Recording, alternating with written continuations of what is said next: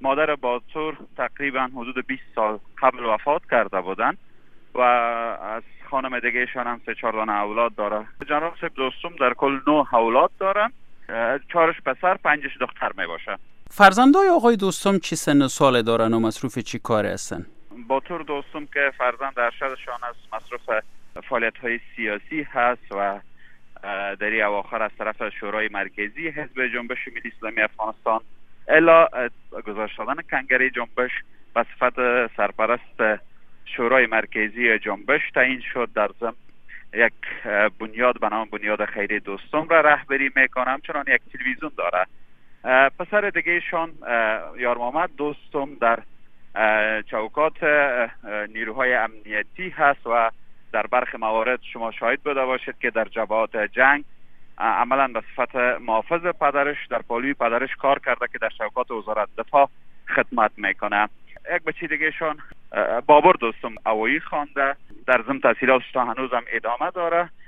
هوایی ملکی یا نظامی؟ هوایی نظامی. بله. و یک پسر دیگهشان هم بیشتر مسائل نظامی را تعقیب می‌کنه.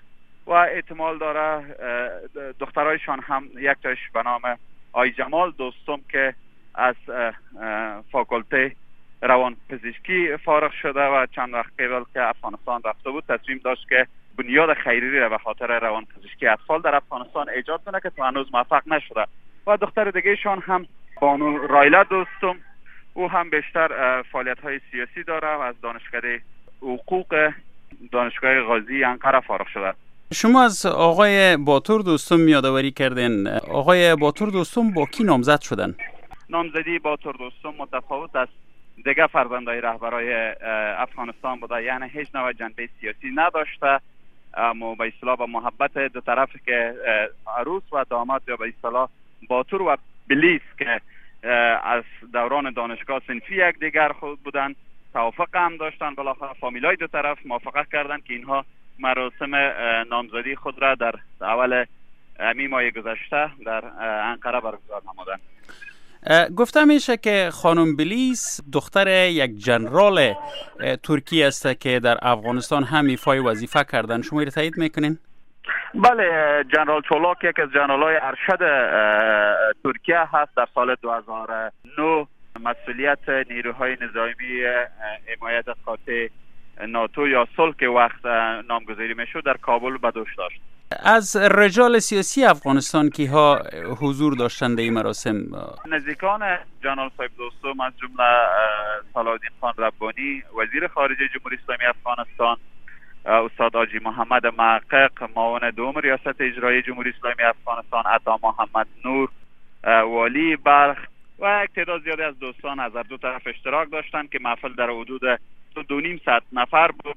جنرال صاحب دوستم نیز در سخنرانی خود گفت که ما می‌تونستیم این محفل بسیار با کشفش و تعداد زیادی از دوستان را دعوت کنیم ولی یکی در ماه مبارک رمضان حوادث اخیری که بالای افغان در افغانستان حادثات اخیر به خصوص انتریایی که در افغانستان رخ داد به احترام از شهدا بسیار محفلا خلاصه گرفتیم. مراسم نامزدی آقای دوستم با برخی جریانات سیاسی همزمان بوده.